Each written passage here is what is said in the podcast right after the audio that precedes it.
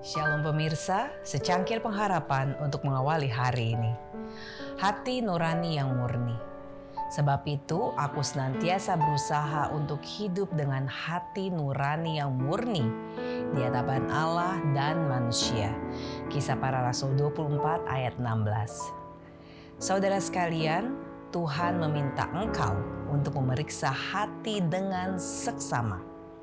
Dia memanggil engkau untuk menghiasi praktik hidupmu dengan kebenaran dan dalam semua urusan hidupmu satu sama lain. Sangatlah berbahaya jika engkau meremehkan tuntutan suci hati nurani. Apakah kamu belajar setiap hari di sekolah Kristus? Belajar bagaimana mengabaikan keraguan dan prasangka jahat belajar bagaimana bersikap adil dan mulia dalam berurusan dengan saudara-saudaramu demi dirimu sendiri dan demi Kristus. Testimoni Jilid 8 halaman 195. Semua orang pada hari yang jahat akan melayani Allah dengan tidak takut sesuai dengan suara hati nurani. Akan memerlukan keberanian, keteguhan, dan suatu pengetahuan akan Allah dan sabdanya.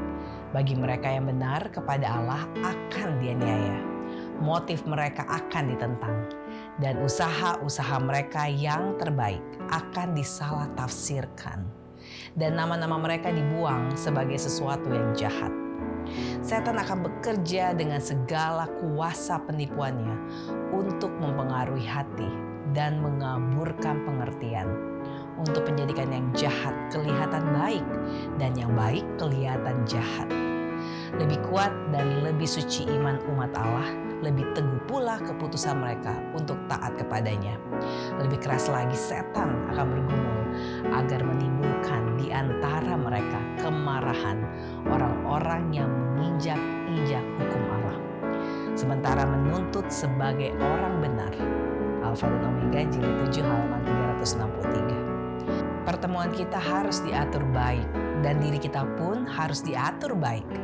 Bila kita pulang ke rumah tidak punya hati nurani yang bertentangan dengan Allah dan manusia, hati nurani yang tidak ternoda atau terluka dalam hal apa pun dan dengan siapa kita bergaul atau pengaruh yang melukai mereka.